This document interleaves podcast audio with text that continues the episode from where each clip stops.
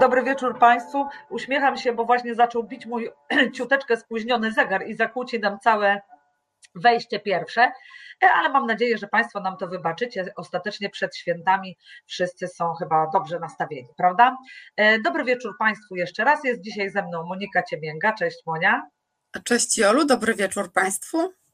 I muszę, zanim przedstawię gościa, powiedzieć, że to jest pierwsza sytuacja, w której e, nasza audycja jest Monia nie na czasie, ponieważ kiedy planowałyśmy e, audycję, to o, to, o czym dzisiaj chciałyśmy porozmawiać, było jeszcze projektem ustawy, ale zanim doszło do realizacji programu, okazało się, że już nie ma tego projektu, prawda?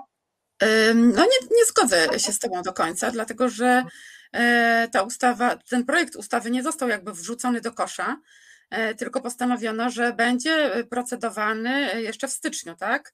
Od 12 stycznia, aczkolwiek ma by, mają być wprowadzone zmiany, ale skąd, e, skąd wiesz, jakie to będą zmiany? Myślę, że warto ale wiesz, rozmawiać. Ja słyszałam, ja być może to, wiesz, być może gdzieś się zatrzymałam, ale słyszałam, że uznano, że projekt jest zbyt kontrowersyjny i niezgodny z konstytucją, więc nie będzie procedowany, więc wymaga, może... wymaga dopracowania, wymaga rozmów, natomiast to, że jest niezgodny z konstytucją, to chyba był mniejszy problem dla polityków, którzy mieliby uchwalić ten projekt jako ustawę, ale to o tym chyba będziemy rozmawiać już z naszym gościem, prawda? Jest. Proszę Państwa, naszym gościem jest dzisiaj e, sędzia Wojewódzkiego Sądu Administracyjnego, nasz serdeczny kolega ze Stowarzyszenia Justicja, Piotr Borowiecki. Zapraszam Cię, Piotrze. Dobry wieczór Państwu. Dobry wieczór dziewczyny, moje drogie koleżanki. Mamy nadzieję, że Piotr nas... Zanim, słuchajcie, zanim, zanim rozpoczniemy dyskusję, nie zapomnijmy e, przypomnieć, że sponsorem e, dzisiejszej audycji jest pan Piotr e, Tomaszkiewicz któremu bardzo serdecznie dziękujemy, to prawda. E, proszę Państwa, żeby tak e, zacząć od początku, jak to zwykle w naszym programie jest, Państwo prawdopodobnie mieliście styczność e, z informacją, że już zbliżamy się znowu do wypłaty środków unijnych, już jesteśmy bardzo blisko tego, żeby dogadać się z Unią Europejską i już natychmiast wypełnimy kamienie milowe, a tym razem pomysłem było zmiana ustawy o Sądzie Najwyższym, w której chyba tym najważniejszym elementem było przeniesienie e, testu niezawisłości i bezstronności do Najwyższego Sądu Administracyjnego, mm, no, o czym chcielibyśmy na początek porozmawiać. No i oczywiście też przeniesienie postępowań dyscyplinarnych i immunitetowych również do Naczelnego Sądu Administracyjnego. Ale tylko sędziów. Sędziów, sędziów sądów powszechnych, wojskowych tak. i najwyższego. Piotrze, jak Wam się jako sędziom administracyjnym takie pomysły podobają? Ja myślę, że to nawet nie kwestia, jak nam się podobają, bo to jest jak najmniej istotne w, w naszej służbie, czy nam się coś podoba, czy nie. Natomiast oceniając każde zmiany, każdy projekt legislacyjny, każdą propozycję zmian, warto się nad nią zastanowić pod względem zarówno jej zgodności z konstytucją, jak i celowości i takiej mm, kwestii jak która niestety jest po macoszemu traktowana od, 2000, od końca 2015 roku, jak kwestia odpowiedniego przygotowania wszystkich ustaw. Bo co mnie najbardziej boli w ogóle w, w, w działaniach legislacyjnych, to, że one są często niezgodne z konstytucją, naruszają fundamentalne zasady, to jest jedno, ale że są one wprowadzane w, przez, ja bym powiedział, przez taką furtkę poselską, która moim zdaniem jest, y, no, y, raz, że niedopuszczalna, a dwa, że naprawdę wypacza pewną istotę prawidłowej, takiej porządnej, dobrej legislacji. Gdyż takie ustawy, jak chociażby ta, która będzie przedmiotem dzisiejszej dyskusji, w mojej ocenie powinny być zgłaszane nie jako projekt teoretycznie poselski, chociaż dobrze wiemy, że on poselski nie był, bo przygotowany był, przygotowany był gdzie indziej. Natomiast powinno być to właśnie jako projekt rządowy, co by wymagało odpowiednich procedur konsultacyjnych. Przecież to są bardzo ważne. No właśnie zatrzymajmy się przy tym, że to jest ta furtka, to jest tak naprawdę oszustwo, bo projekt nie został. Nie chciałem użyć tego sformułowania. Huh. No ale nazywajmy rzeczy po imieniu. Przecież ci, my, tak tu, my tak tu robimy e, w prawotece. Mówimy, tak, jak mówimy, jest. Mówimy to, mówimy to, co nam się wydaje, ale też nazywamy rzeczy po imieniu. Przecież jeżeli projekt ma być projektem poselskim, no to powinien pochodzić od posłów. Tymczasem posłowie, którzy pod tym projektem się podpisali, na pewno tego projektu nie przygotowali, prawda? To nie jest nawet chyba tajemnica. Żadna. Nie ulega wątpliwości, bo zresztą wszystkie te ważne projekty dotyczące fundamentów ustrojowych, głównie u, u, dotyczące oczywiście sądownictwa, wymiaru sprawiedliwości, one e, wszystkie były e, właśnie zgłaszane jako projekty poselskie, właśnie po to, żeby ominąć tą taką zdrowy mechanizm konsultacji społecznych, bo przecież pamiętajmy, że takie ważne ustawy, które regulują funkcjonowanie sądownictwa, powinny być odpowiednio przedyskutowane w ramach uzgodnień, już pomijam międzyresortowych, ale uzgodnień z innymi instytucjami, takimi jak w tym przypadku nie ulega wątpliwości, że Sąd Najwyższy, Naczelny Sąd Administracyjny, stowarzyszenia sędziowskie, na, nawet e, środowisko akademickie, to powinna być dyskusja, która, która no, powinna poprzedzać wprowadzenie każdego,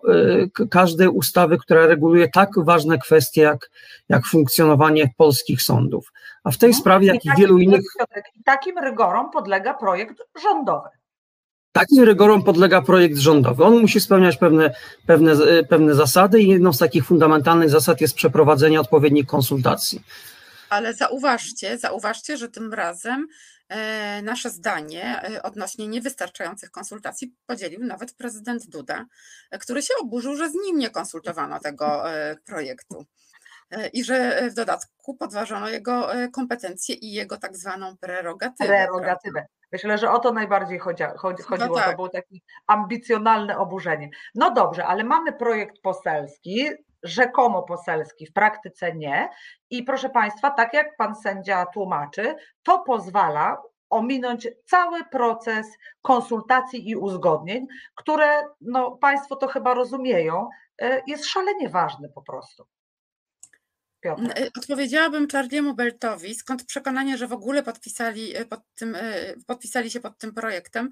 Od lat wiadomo, że PiS dysponuje podpisami in blanco, na które nanosi się projekt, a później posłowie zaskoczeni, że to, że to podpisali. No ale te podpisy są. Iluś tych posłów jest wymienionych.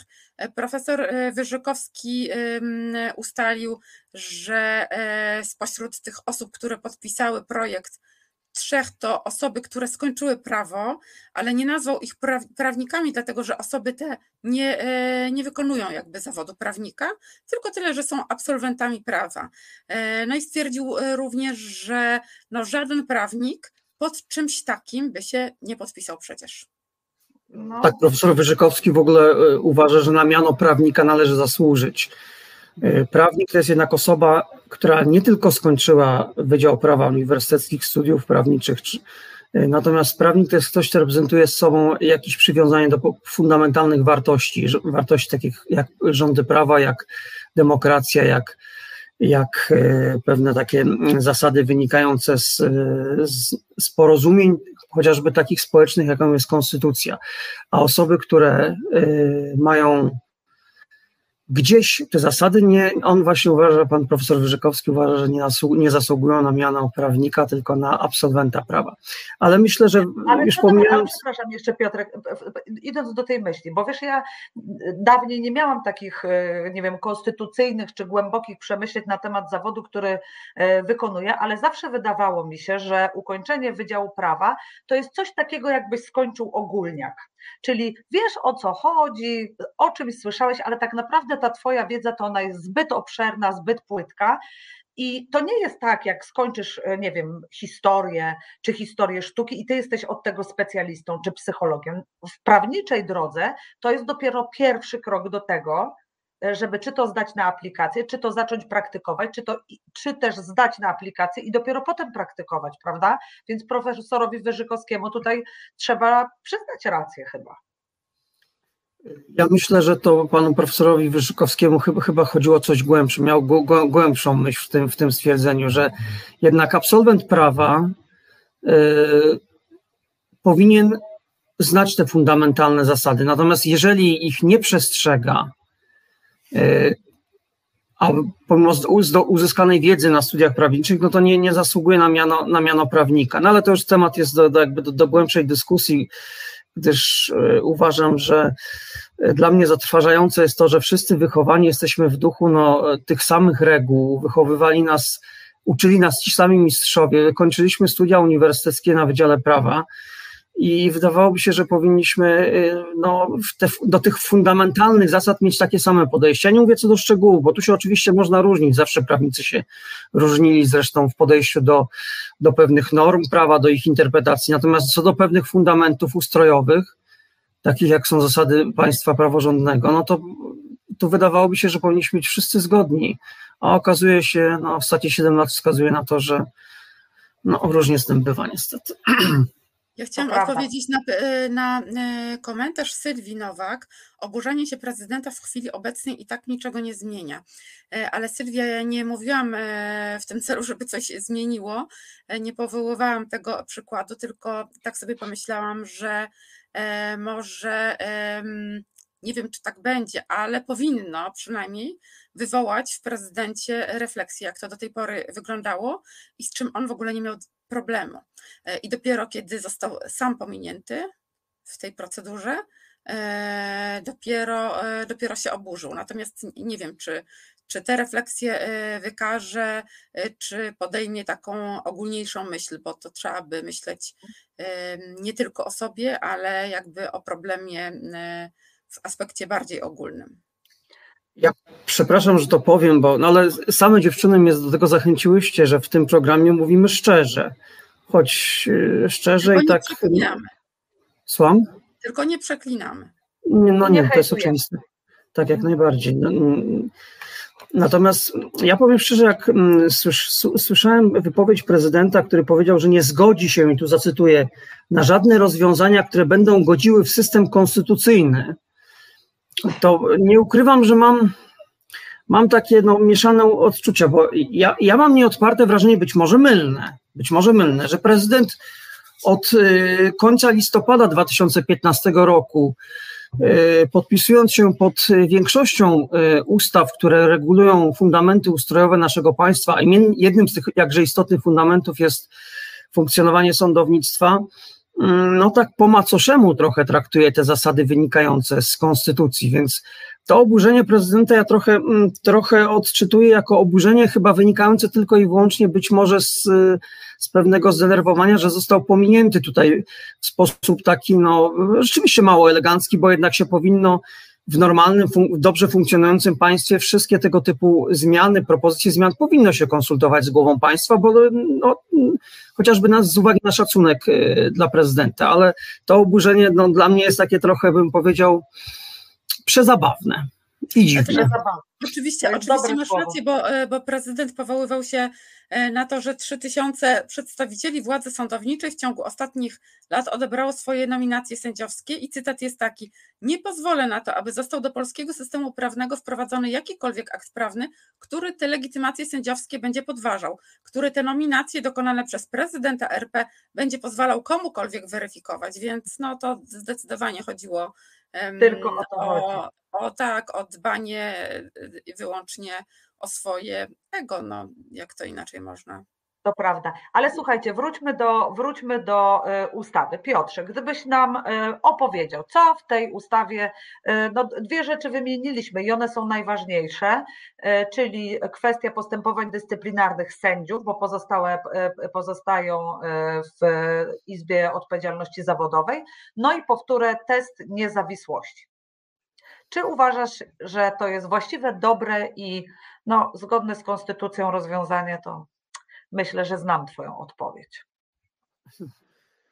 Znaczy, dla mnie e, w ogóle przekazanie, przekazanie tych spraw e, do Naczelnego Sądu Administracyjnego, już na razie zostawmy kwestię tych, tych w ogóle tych oceny tych, tych instytucji, E, samo w sobie jest, no, raz, że budzi uzasadnioną wątpliwość co do zgodności z konstytucją, tutaj przede wszystkim artykuły 175 no i 184 konstytucji. 49 gdyż, no tak, tak, gdyż... To jest ten, który mówi o prawie do sądu, o prawie do sądu, mhm, tak. Ale mi chodziło głównie o 175, który jakby no, wskazuje na tą, na, tą, na tą odrębność sądownictwa administracyjnego i powszechnego i, i Sądu Najwyższego jeszcze, jeszcze jakby osobne, osobnej jednostki organu konstytucyjnego, który, który no nie, nie jest zaliczany do sądów powszechnych, ale stanowi, stanowi ten, ten system wymiaru sprawiedliwości. No i wyraźnie artykuł 184 Konstytucji, który mówi expressis verbis, stanowi expressis verbis o tym, jakie kompetencje przysługują Naczelnemu Sądowi Administracyjnemu. I tutaj należy, należy no, podkreślić, że te, te regulacje przewidziane w tej ustawie zgłoszonej 13 grudnia, ten, ten projekt ja rzekomo poselski. Ja przeczytam. 184 mówi, w skrócie tylko powiem, że Naczelny Sąd Administracyjny sprawuje kontrolę działalności administracji publicznej, administracji publicznej. Władza sądownicza do takiej administracji publicznej nie należy i sędziowie też. Nie ulega wątpliwości. I co ważne, mm, w przypadku Naczelnego Sądu Administracyjnego, w mojej ocenie, i taką też wątpliwość wyraził profesor Wrubel, e, nie ma też e, takiej furtki, jaka została przewidziana w przypadku Sądu Najwyższego. Bo przypomnijmy, że w przypadku Sądu Najwyższego jest artykuł 183 ustęp 2, który wskazuje, że pewne, pewne kompetencje mogą być przekazane Sądowi Najwyższemu na podstawie również ustaw. No i takich kompetencji, kompetencji Sąd Najwyższy y, ma na podstawie ustaw y, kilka i też kilka wynika również z, z odpowiednich przepisów Konstytucji. Y, natomiast w przypadku sądu administracyjnego, Naczelnego Sądu Administracyjnego, Takiej podstawy prawnej w artykule 184, takiej analogicznej jak w, jak w przypadku artykułu 183 ustęp 2 Konstytucji, nie ma. I to również może budzić wątpliwość, czy można tak rozszerzać kognicję e, Naczelnego Sądu Administracyjnego, już pomijając fakt zaburzenia pewnej no, oddziel, od, od tej odrębności ustrojowej, jak, jaka, jaka jest wyraźna pomiędzy sądami e, administracyjnymi i powszechnymi, nad którymi nadzór judykacyjny i nie tylko sprawuje Sąd, Sąd Najwyższy. I tutaj y, ta nowelizacja, no dla, w mojej ocenie, pod tym względem, y, raz, że budzi te wątpliwości konstytucyjne, ale dwa, przede wszystkim no, budzi taką wątpliwość, że przekazuje się Naczelnemu Sądowi Administracyjnemu kwestie, bardzo istotne kwestie dotyczące y, badania niezawisłości bezstronności, badania odpowiedzialności dyscyplinarnej i co bardzo ważne, te badania e, dotyczące kwestii uchylenia immunitetu sędziego, gdzie te mm, kwestie wymagają naprawdę mm, takiego e, doświadczenia. Ja tu nie mówię, broń, Boże, nie chcę przez to powiedzieć, że sędziowie Naczelnego Sądu Administracyjnego e, nie są zdolni do, do, mm, do rozstrzygania być może w tych sprawach, ale do ich doświadczenie w kwestii uchylania immunitetu sędziego i w kwestii mm, odpowiedzialności dyscyplinarnej, która wymaga tutaj e, specjalistycznej wiedzy, e, wiedzy charakterystycznej dla sędziów karnistów, no, podpowiada, że tutaj mm, raczej te kwestie nie powinny być przekazywane do sądu, do Naczelnego Sądu Administracyjnego. W mojej ocenie najbardziej właściwą jednostką, ale to pewnie o, o, tym jeszcze będziemy dyskutować w tej sprawie, powinna być Izba Karna Sądu Najwyższego, jako najbardziej y, odpowiednia izba skupiająca w swoim szeregu doświadczonych sędziów karnistów, którzy y, w tych sprawach mają ogromne doświadczenie. I, I jak było, prawda? Bo przecież tak było. Tak jak, I tak jak było, tak. Słuchaj, ja mam w związku z tym do Ciebie pytanie.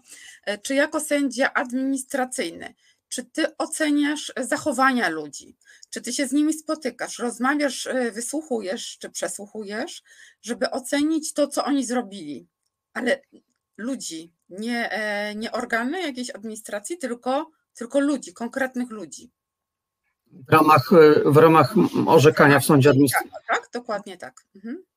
Nie, no u nas sąd, specyfika sądu administracyjnego, który, który no, działa na podstawie od, od, odrębnej ustawy, jaką jest ustawa o prawo o postępowaniu przed sądami administracyjnymi, polega na tym, że my jesteśmy tak zwanym sądem prawa, tak się o nas mówi, chociaż ja tego określenia akurat nie lubię tej nomenklatury, ale chodzi o co? O to, że przewód sądowy przed y, sądem administracyjnym jest bardzo ograniczony.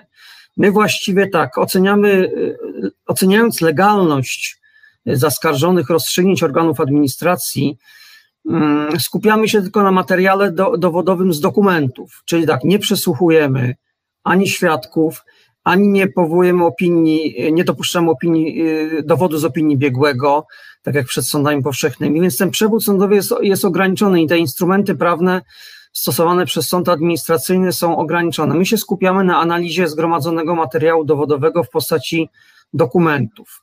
Oczywiście na rozprawie się wysłuchuje obie strony, y, czyli zarówno stronę skarżącą, jak i przedstawiciela organu, ale nie, nie już, tak jak powiedziałem, nie przeprowadzamy dowodu z, z, z, y, ze świadków, z dowodów z opinii biegłego. I, ten, I to jest właśnie ta specyfika sądownictwa administracyjnego, więc jakby no nie, nie, tutaj nie, nie, nie wysłuchujemy y, głosu obywateli na rozprawie w toku postępowania.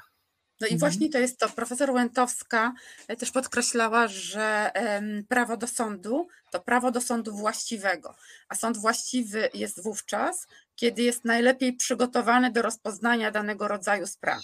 I ty zwróciłeś właśnie na to e, uwagę, że oczywiście sędziowie administracyjni byliby w stanie przygotować się e, do mm, rozpoznawania tego rodzaju spraw, ale chodzi o to, żeby sprawa danego człowieka, a przecież to są sprawy związane z represją, e, były rozpoznane przez tych, którzy mają najlepsze przygotowanie. Czyli tak jak powiedziałeś, tutaj się oczywiście zgadzamy przez e, sędziów e, Izby Karnej Sądu Najwyższego. Mhm. Ale trzeba, mhm. trzeba zauważyć oczywiście, bo, bo przecież ktoś powie, no zaraz, przecież Naczelny Sąd Administracyjny też jest sądem dyscyplinarnym, bo przypomnijmy, Naczelny Sąd ale Administracyjny. Poczekaj, ale poczekaj, zanim wejdziesz do tak. tego, bo jeszcze chciałabym wrócić do tego momentu, kiedy powiedziałeś, nie, nie, no oczywiście sędziowie e, sądów administracyjnych, no nie, że oni są niedobrzy, ale my też chyba musimy e, zmienić ten sposób opowiadania o sędziach, bo to przecież nie jest tak, że jeśli ja od 22 lat orzekam w sprawach karnych, to ja mogę od środy zacząć orzekać w sprawach pracowniczych. No nie jest tak, bo... No właśnie o to chodzi. O to chodzi. Dokładnie i chyba nie bójmy się tego powiedzieć, powiedzieć, że sędziowie administracyjni zajmują się czymś zupełnie innym i oni po prostu nie mają merytorycznego przygotowania do tego, żeby nagle zacząć zajmować się sprawami dyscyplinarnymi i być może za 2, 3, 4 lata to oni to doświadczenie nabiorą. Pytanie tylko, czy są chętni, którzy chcieliby być tymi doświadczalnymi myszami, prawda?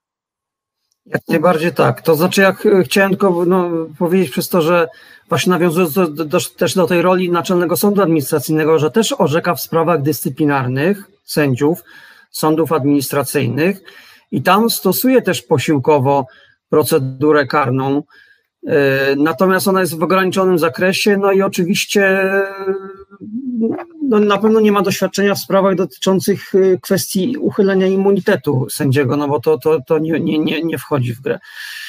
Dlatego to tylko chciałem przez to powiedzieć, że, że oczywiście no, sędziowie Naczelnego Sądu Administracyjnego, którzy są losowani do składów w sprawach dyscyplinarnych, no, też stosują w jakimś tam posiłkowym zakresie KPK, więc to też nie jest tak do końca, że oni, no, ale generalnie no, nie mają takiego doświadczenia w tych sprawach, co jest oczywiste, bo tak jak, tak jak dobrze wspomniałaś, Jolu, że zostali oni powołani do, do sądów administracyjnych no, w zupełnie jakby innym zadaniu.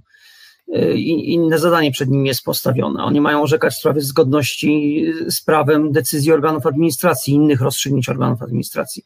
Natomiast w tych sprawach na pewno nie mają takiego doświadczenia.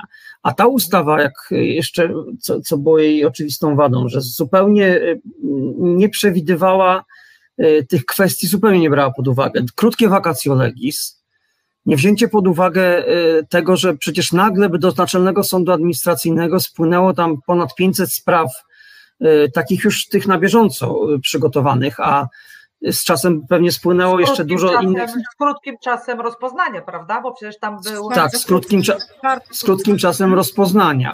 I przy tym braku doświadczenia.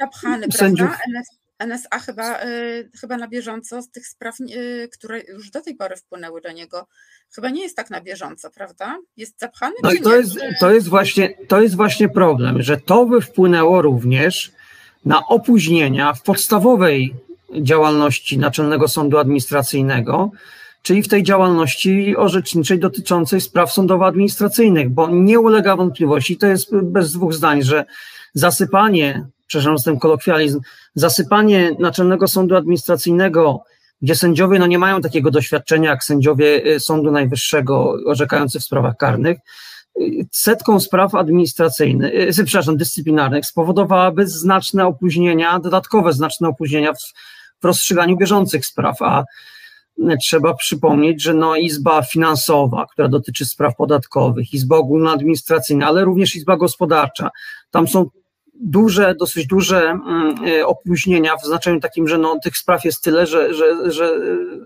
e, termin rozpatrywania tych spraw i tak jest dla obywatela bardzo długi i nieakceptowalny.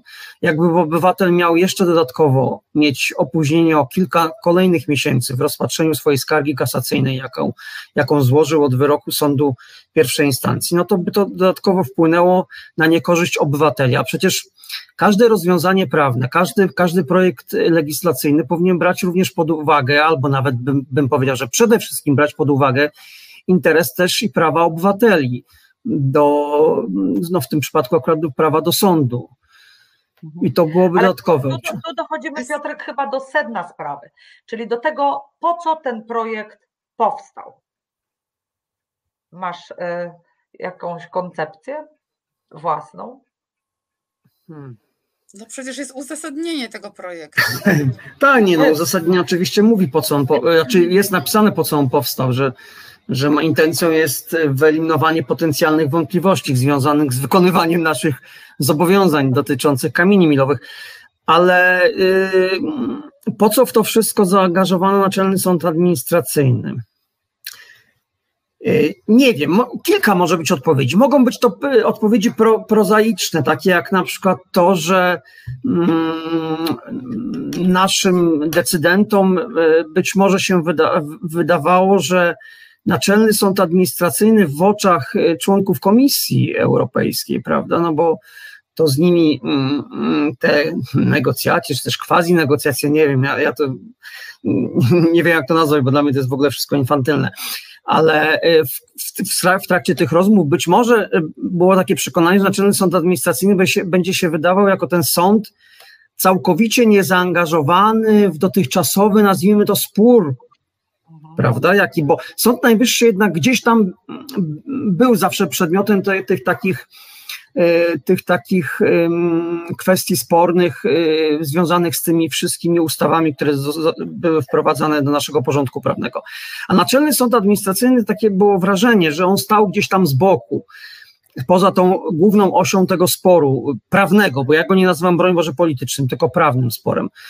I być może wydawało się tym naszym e, projektodawcom, którzy wymyślili sobie tą koncepcję, że NSA będzie łatwo może E, przekonać komisję, że NSA jest tym takim nieskażonym niczym, żadnym sporem sądem, sądem, który będzie mógł spokojnie przejąć sprawy dyscyplinarne, żeby udobruchać tą nieszczęsną Komisję Europejską, która się ciągle czegoś tam czepia i tak dalej. To może być jedna z koncepcji, ale może, może oczywiście być powód jakiś, jakiś głębszy, którego ja no, no, no może tam się jakoś domyślam, ale myślę, że, że no nie chcę wchodzić tutaj w dywagacje takie już natury politycznej, bo, bo, bo też nie, nie, nie chcę tutaj się nie mieszać w kwestie polityczne. To jest zresztą nieistotne. Najistotniejsze jest to, w mojej ocenie, że projektodawcy przeszło im przez myśl, że w tak, w ich pojęciu, banalny, prosty sposób przekonają Komisję Europejską, że przenoszą sprawy dyscyplinarne sędziów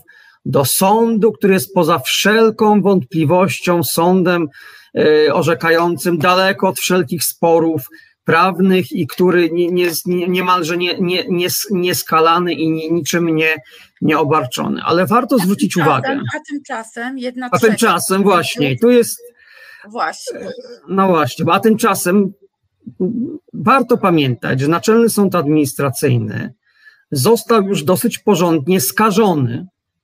Przepraszam za to określenie, bo tu się oczywiście może część naszych słuchaczy, naszych widzów yy, obruszyć na takie określenia, ale ja, ja takiego określenia używam, bo, bo to, to jest, ono oddaje sedno sprawę. Został skażony neosędziami.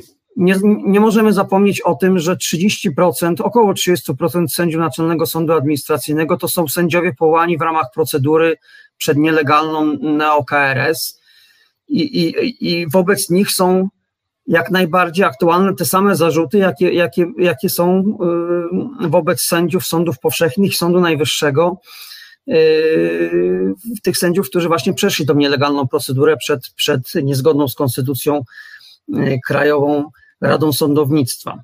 A przecież jednym z postanowień, takich wymogów Komisji Europejskiej zawartych w kamieniach milowych miało być to, żeby państwo członkowskie, jakim jest Polska, zagwarantowało takie zmiany w systemie odpowiedzialności dyscyplinarnej, żeby sędziowie y, mieli możliwość realizacji swojego takiego fundamentalnego, tak jak każdy obywatel, prawa do sądu. Prawa do sądu, czyli prawa do sądu składającego się z sędziów, wobec których nie ma żadnych wątpliwości co do prawidłowości ich powołania.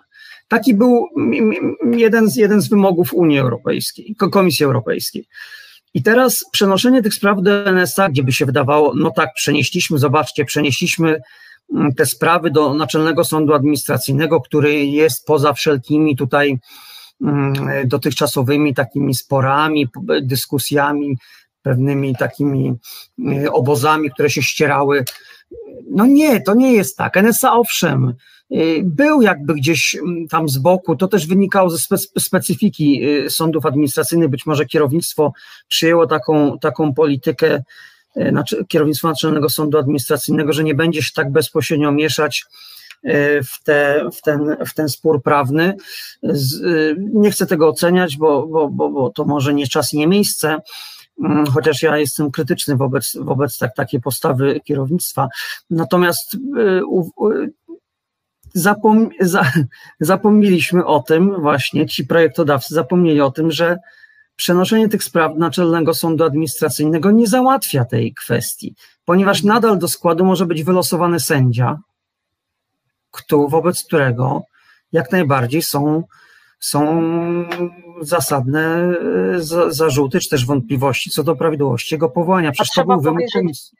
E, Piotrek, a trzeba powiedzieć, że do tego składu, do testu, e, skład ma być pięcioosobowy, więc łatwo sobie wyobrazić, że tam się tak. zakiwamy za chwilę w wyłączeniach rozmaitych i po prostu to się zablokuje na 122 lata, ale o to chyba chodzi moim zdaniem, bo przecież wystarczyłoby zlikwidować neokRS w takim kształcie, jak ona jest i nie musielibyśmy już nikogo testować, bo ludzie byliby powoływani na sędziów zgodnie z legalną procedurą, prawda?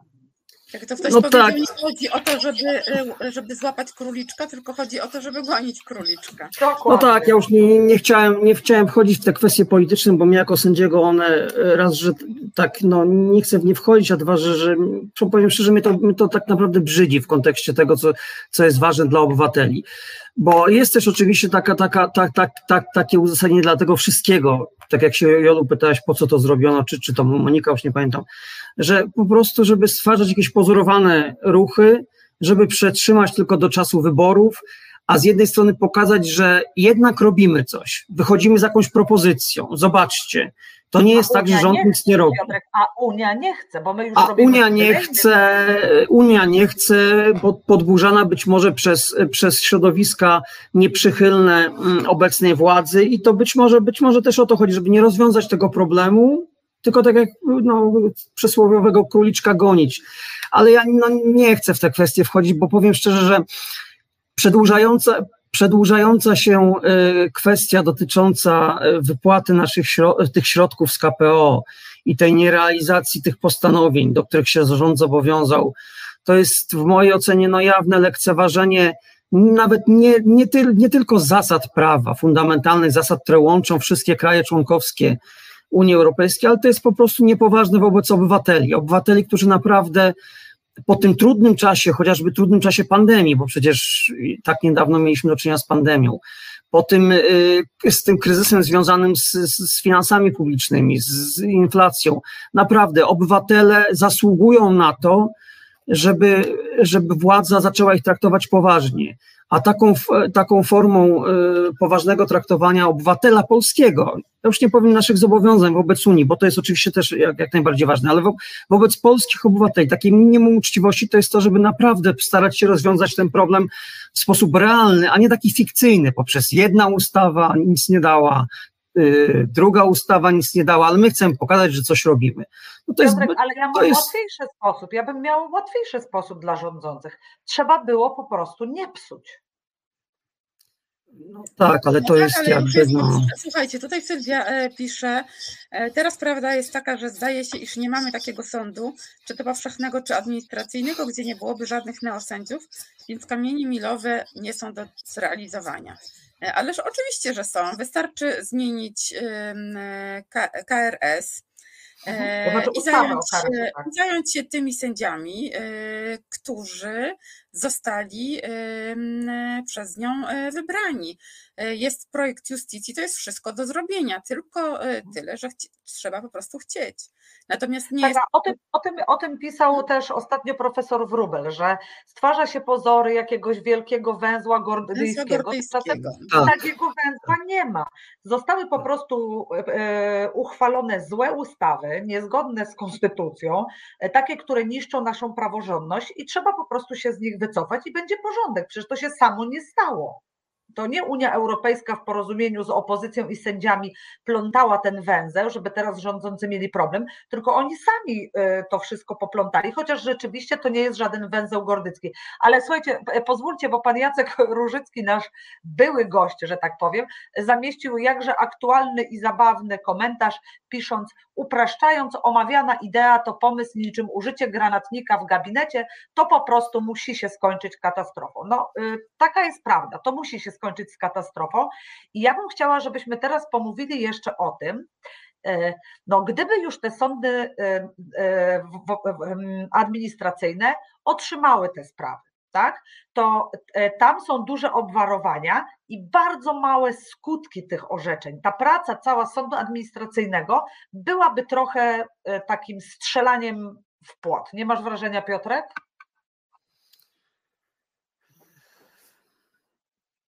Ja cały czas mając nadzieję, że, że, że te sprawy nie trafią do Naczelnego Sądu Administracyjnego, yy,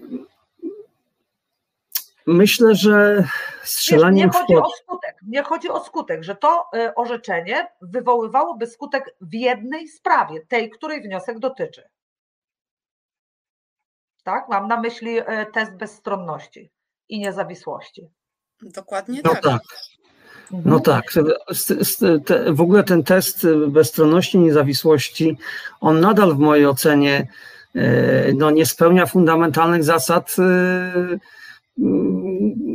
prawa unijnego, gdyż e, no, nadal te przesłanki, które trzeba wykazać w toku, w toku tego zainicjowanego testu, tej, tej całej procedury związanej z tym testowaniem, no są, y, no one w takim kształcie, niezmienionym, w takim kształcie, jaki jak, jak jest dotychczas, no to powodują zupełną fikcję. E, gdyż jeżeli my oderwiemy to od, od e, całej, mm, całego sedna tego problemu związanego z, z, e, z wadliwością tych procedur nominacyjnych. I będziemy się starali nałożyć na wnioskodawcę, czy też na ten, na, tą, na, ten, na ten podmiot inicjujący ten, ten, ten, to postępowanie związane z testowaniem takie wymogi, że, y, które no, abstrahują od tego, a dotyczą tylko kwestii, y, które należy wykazać, no to, to, to, to nigdy właściwie w przypadku rzadko którego sędziego można, można tutaj znaleźć jakieś, jakieś zastrzeżenia, jakieś, jakieś, jakieś kwestie, które mogłyby budzić wątpliwość, bo ten test to jest jedna wielka fikcja, to jest jakaś paranoja zupełna. Nie wiem w ogóle po, po, po co on jest w takiej formie. No i przecież można go e, przeprowadzić w stosunku do każdego sędziego, również mhm. co do tego, e, wobec którego nie ma wątpliwości, że został legalnie powołany, no, prawda? No, no tak, to już w ogóle... Cały absurd. No dobrze, ale zobaczcie, bo, bo, bo, bo ja zaczepiłam Piotra w tym kontekście, że cały ten trud, czyli że strona musi w ciągu siedmiu dni, od kiedy się dowiedziała, że wśród e, sędziów jest ten, który jej mógłby się ewentualnie nie podobać, musi złożyć taki wniosek. Potem pięciu sędziów sądu administracyjnego w krótkim terminie, pozostawiając swoje sprawy VAT-owskie, e, no rozmaite administracyjne sprawy, które dla obywatela są szalenie ważne, będzie się nad tym zastanawiał, no i w końcu orzeknie, że bach, no powiedzmy, że ten sędzia jest jednakowoż nie jest niezawisły. I okaże się, że ten skutek wywołany jest tylko w tej jednej sprawie, której dotyczy wniosek. Czyli w sprawie Anny Kowalskiej on może być zawisły i nie być niezależny, ale w sprawie już Jana Kowalskiego, nawet jeśli będzie bratem Anny Kowalskiej, takiego, e, takich przymiotów nie traci. I to się wydaje totalnie absurdalne, a dodatkowo powoduje no, horrendalną schizofrenię. Albo jesteś dobrym lekarzem, dobrym sędzią, legalnym sędzią, albo nie jesteś we wszystkich lub nikt, w żadnych sprawach. Czy nie, nie wydaje Wam się, że to e, by stworzyło totalny chaos? Znaczy, chaos to my już mamy, to byłby mega chaos. Znaczy to chyba taki cel jest, żeby właśnie ten chaos przedłużać, tak? Ale trzeba jeszcze, e, trzeba jeszcze dodać, że przecież nie zostały e, usunięte, jakby nie przewidziano w tym projekcie usunięcia przepisów dotyczących postępowań e, dyscyplinarnych, czyli e, tej ustawy kagańcowej, prawda? A tak, tak, tak. Czyli odmowa sprawowania wymiaru sprawiedliwości Mhm. Nadal jest. e, zagrożona postępowaniem dyscyplinarnym i, e, i inne przepisy, już nie pamiętam, który to jest przepis, ale zaraz to sobie znajdę. Artykuł 107, e, paragraf 1, e, punkt 1, e, 1a, 2 i 3 em, ustawy o ustroju sądów powszechnych nadal e, przewidują e, odpowiedzialność dyscyplinarną za przewinienia służbowe związane z oczywistą i rażącą obrazów przepisów prawa, co też łatwo jest jakby naciągnąć, właśnie odmowę wykonywania wymiaru sprawiedliwości, e, czyli to, co sędzia Piotr Gonciarek, e, za to Mhm. został przecież Tak, odsunięty od e, orzekania. E, Działania lub zaniechania mogące uniemożliwić lub istotnie utrudnić funkcjonowanie or, organu wymiaru sprawiedliwości oraz działania kwestionujące istnienie stosunku służbowego sędziego i tak dalej. To też nie zostało przecież usunięte. To No prawda. tak, postanowienia ustawy kagańcowej e, w żaden sposób nie. e, Nadal, no, w takim kształcie, jaki one teraz funkcjonują, nadal no, nie spełniają tych podstawowych zastrzeżeń, które, które były dotychczas przedstawiane nie tylko przez Komisję Europejską, ale również przez nasze chociażby stowarzyszenie. No, ale ta, słuchajcie, no nie oszukujmy się. Jedyną próbą takiego ustrojowego rozwiązania tego problemu, który jest niewątpliwie poważnym problemem, z którym się do tej pory no, w, w naszym państwie no, nawet z namiastką takiego problemu nie mieliśmy do czynienia. Jedyną próbą rozwiązania tego jest projekt y, przedstawiony przez nasze stowarzyszenie, które później zostało y, przejęte przez y, środowiska opozycyjne. Mm, Przyjęte, I tak, przejęte brzmi wrogo, zostało przyjęte. znaczy, przy, przepraszam, przyjęte, tak, i y, skorzystano z naszego projektu i przedstawiono go jako, jako projekt środowisk opozycji demokratycznej, to tak naprawdę tylko ten projekt ustawy próbuje rozwiązać to w sposób taki no, sy- systemowy. I, i, i choć są zastrzeżenia również naszego projektu po stronie nawet demokratycznej, bo, bo przecież nie oszukujmy się, też są pewne wątpliwości dotyczące chociażby kwestii obowiązku ponownego, ponownego przejścia tej, mm, tych kwalifikacji przez sędziów, którzy zostali powołani w wyniku przejścia przez tą nielegalną procedurę przed niekonstytucyjną neo-KRS. Oczywiście, ale to może być Ale jakieś pole do dyskusji. kontrowersje, tylko jakby nie ma tej woli politycznej, żeby takie zmiany y, No tak, wprowadzić.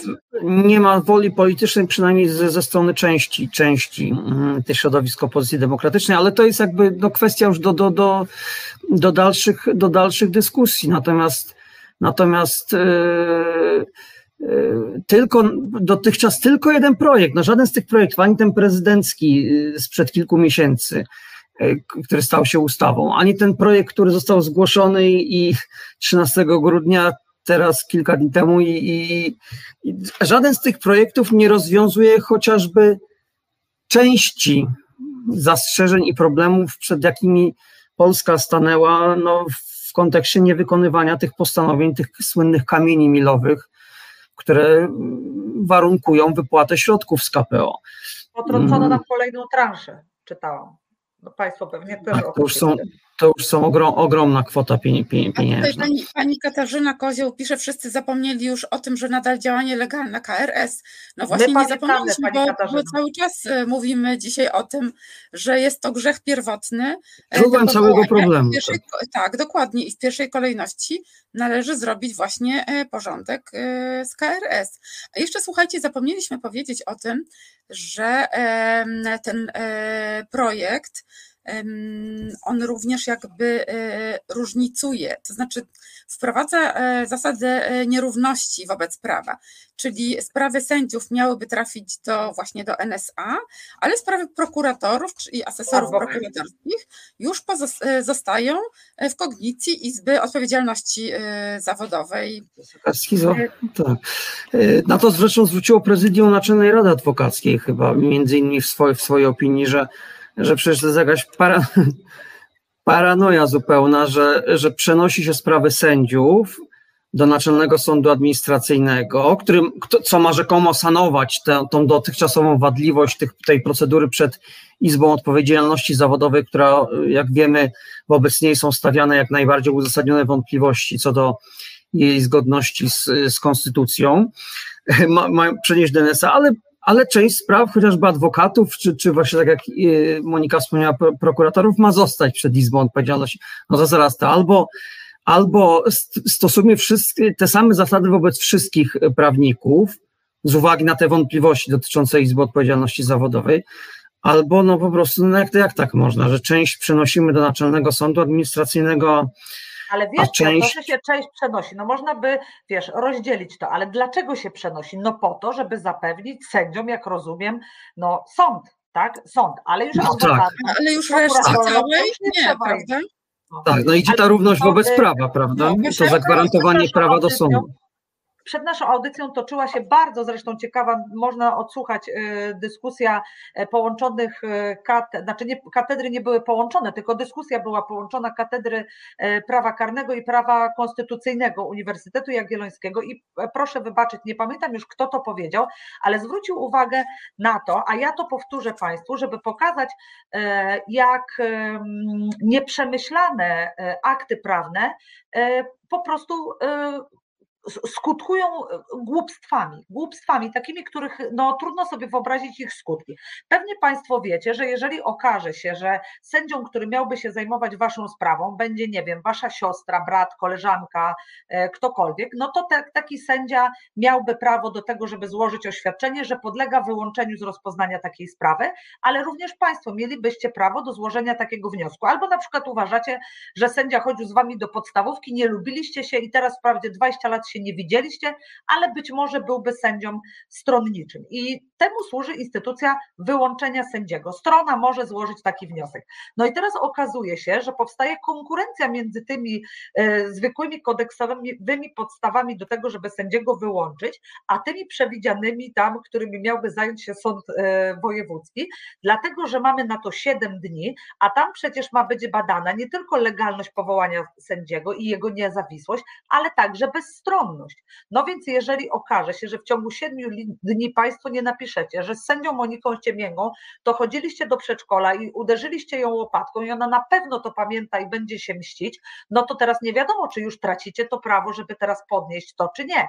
A jeśli jeszcze Monika Ciemięga zmieniła nazwisko, bo wyszła za mąż i rozpoznacie ją dopiero na sali, no to już nie wiem, czy w ogóle będziecie mieli taki wniosek, prawda Piotr? Zwróciłeś na to uwagę albo rozmawialiście o tym?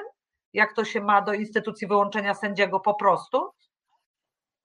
Właśnie, to, to jest, to jest do, dobro, do, do, dobra kwestia, na którą zwrócił również uwagę właśnie profesor, profesor Wrubel w jednym z, ze swoich y, w mijającym tygodniu y, wpisów, y, już nie pamiętam gdzie, chyba na mediach społecznościowych, że, że tutaj zachodzi ta, ten jakiś taki dziwny, no zupełnie niezrozumiały rozdźwięk pomiędzy instytucjami, które są przecież od lat znane procedurą.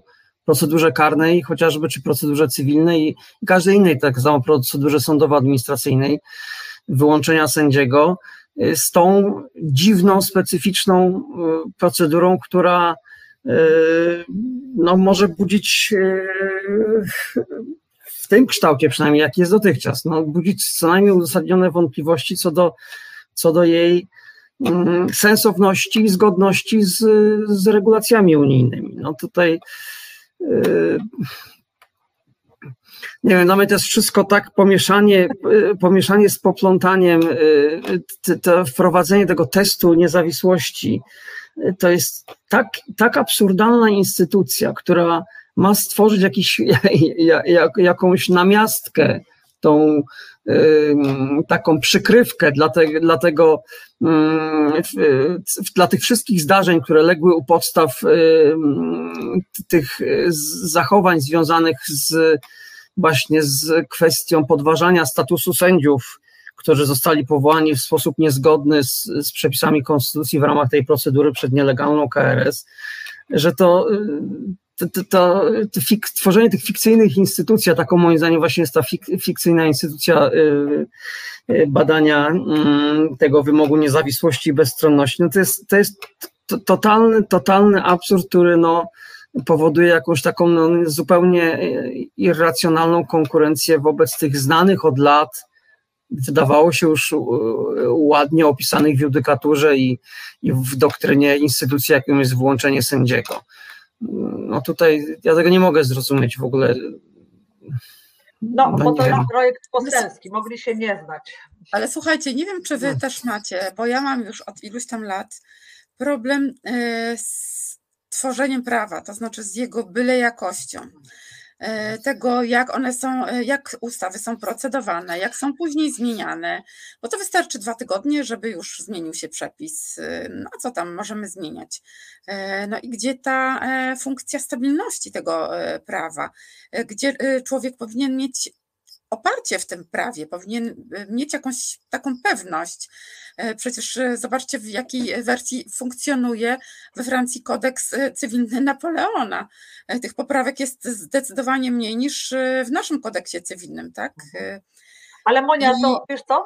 To chyba najbardziej kuriozalnym przykładem jest e, ustawa, która zastąpiła, e, zastąpiła e, ustawę o postępowaniu w sprawach nieletnich. Chyba tak to się nazywało.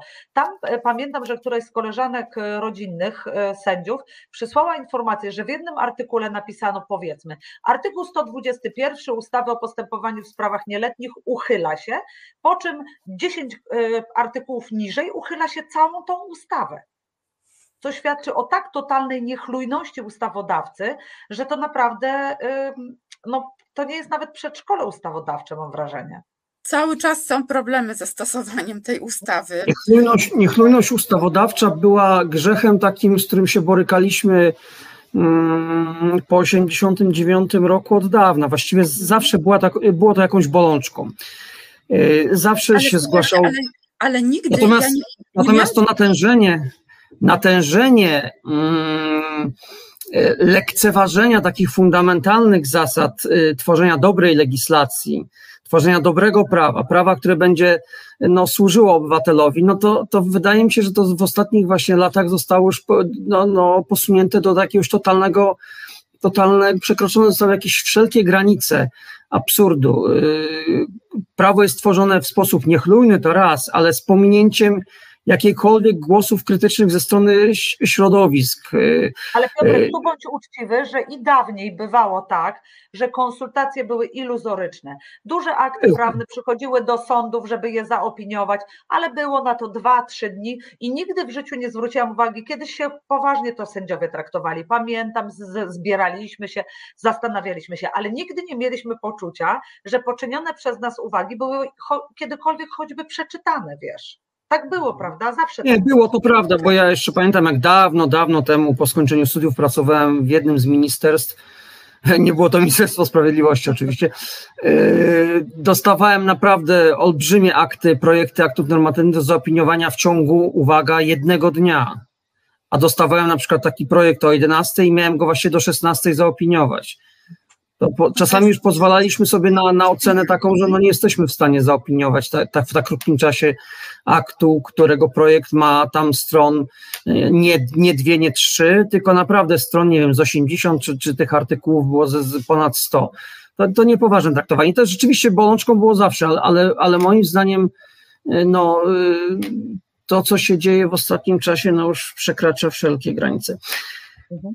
Ale ja myślę, że jeszcze wracając do naszego tematu dyskusji o, o tym kwestiach mm, powiązania tych prób e, naprawy tego z wypłatą KPO, e, bo oczywiście realizacja postulatów wynikających z naszego projektu, który mm, potem wykorzystała strona demokratyczna i złożyła go, to, no to, jest, to, jest, to jest oczywiście problem, który zostanie, pozwoliłby na systemowe rozwiązanie, ale takie teraz i tu, moim zdaniem, w sprawach dyscyplinarnych, jakbyśmy chcieli naprawdę, naprawdę, a nie udając, że chcemy rozwiązać problem, y, roz, roz, rozwiązać problem postępowań dyscyplinarnych, to jest najprostsza możliwość taka, żeby te postępowania dyscyplinarne przenieść do Izby Karnej i z, ty, z zakresu, y, do tej Izby Karnej, która by no, zajmowała się tymi sprawami, byliby tylko i wyłącznie powołani sędziowie, co do których nie ma żadnych wątpliwości co do procedury ich powołania, zgodności z konstytucją procedury ich powołania na stanowisko sędziego. I to byłaby najwłaściwsza, najszybsza metoda rozwiązania tego problemu. I to by gwarantowało też realizację tych wymogów Komisji Europejskiej, bo przypomnijmy, Komisja Europejska wymaga takiej naprawy y, tego systemu odpowiedzialności dyscyplinarnej, żeby zagwarantować sędziom możliwość dostępu prawa do sądu i realizacji tego prawa poprzez dostęp do sądu składającego się z sędziów, no co do których no nie ma jak, jakichkolwiek y, wątpliwości. Także sędziowie Izby Karnej, jak zwani starzy sędziowie Izby Karnej, byliby najwła, najwłaściwszym tutaj podmiotem, hmm, który mógłby rozstrzygać te sprawy dyscyplinarne. Mhm. Wszelkie ale inne pomysły. Słuchajcie, czas nam się kończy, bardzo tak, was ale właśnie dlatego ale to musimy kończyć. Tak, tak, będziemy kończyć. Dlatego, że Piotrek mówi o tym, żeby wrócić do czegoś, co było. Ale tutaj musimy się odnieść, że przecież rządzący powiedzą, że no tak, ale teraz będzie tak, jak było, czyli że sędziowie nie, będą sami siebie sądzić. Ale mnie się wydaje, że trzeba zadać pytanie, czy chirurga operuje ortopeda, nie, chirurga operuje inny chirurg. Czy okulista leczy się na oczy u stomatologa? No nie, nie ma nic złego w tym chyba, żeby sędziów sądzili sędziowie pod warunkiem, że będą to ludzie, którzy po pierwsze potrafią to zrobić, a po drugie nie będzie wątpliwości co do tego, że to są po prostu sędziowie, a oni nie będą chronić swoich kolegów, bo to też chyba jest mocno przesadzona ta teza, nie będą bronić swoich kolegów, tylko po prostu wymierzą sprawiedliwość, prawda? Nie wydaje Wam się, że to by było najprostsze rozwiązanie?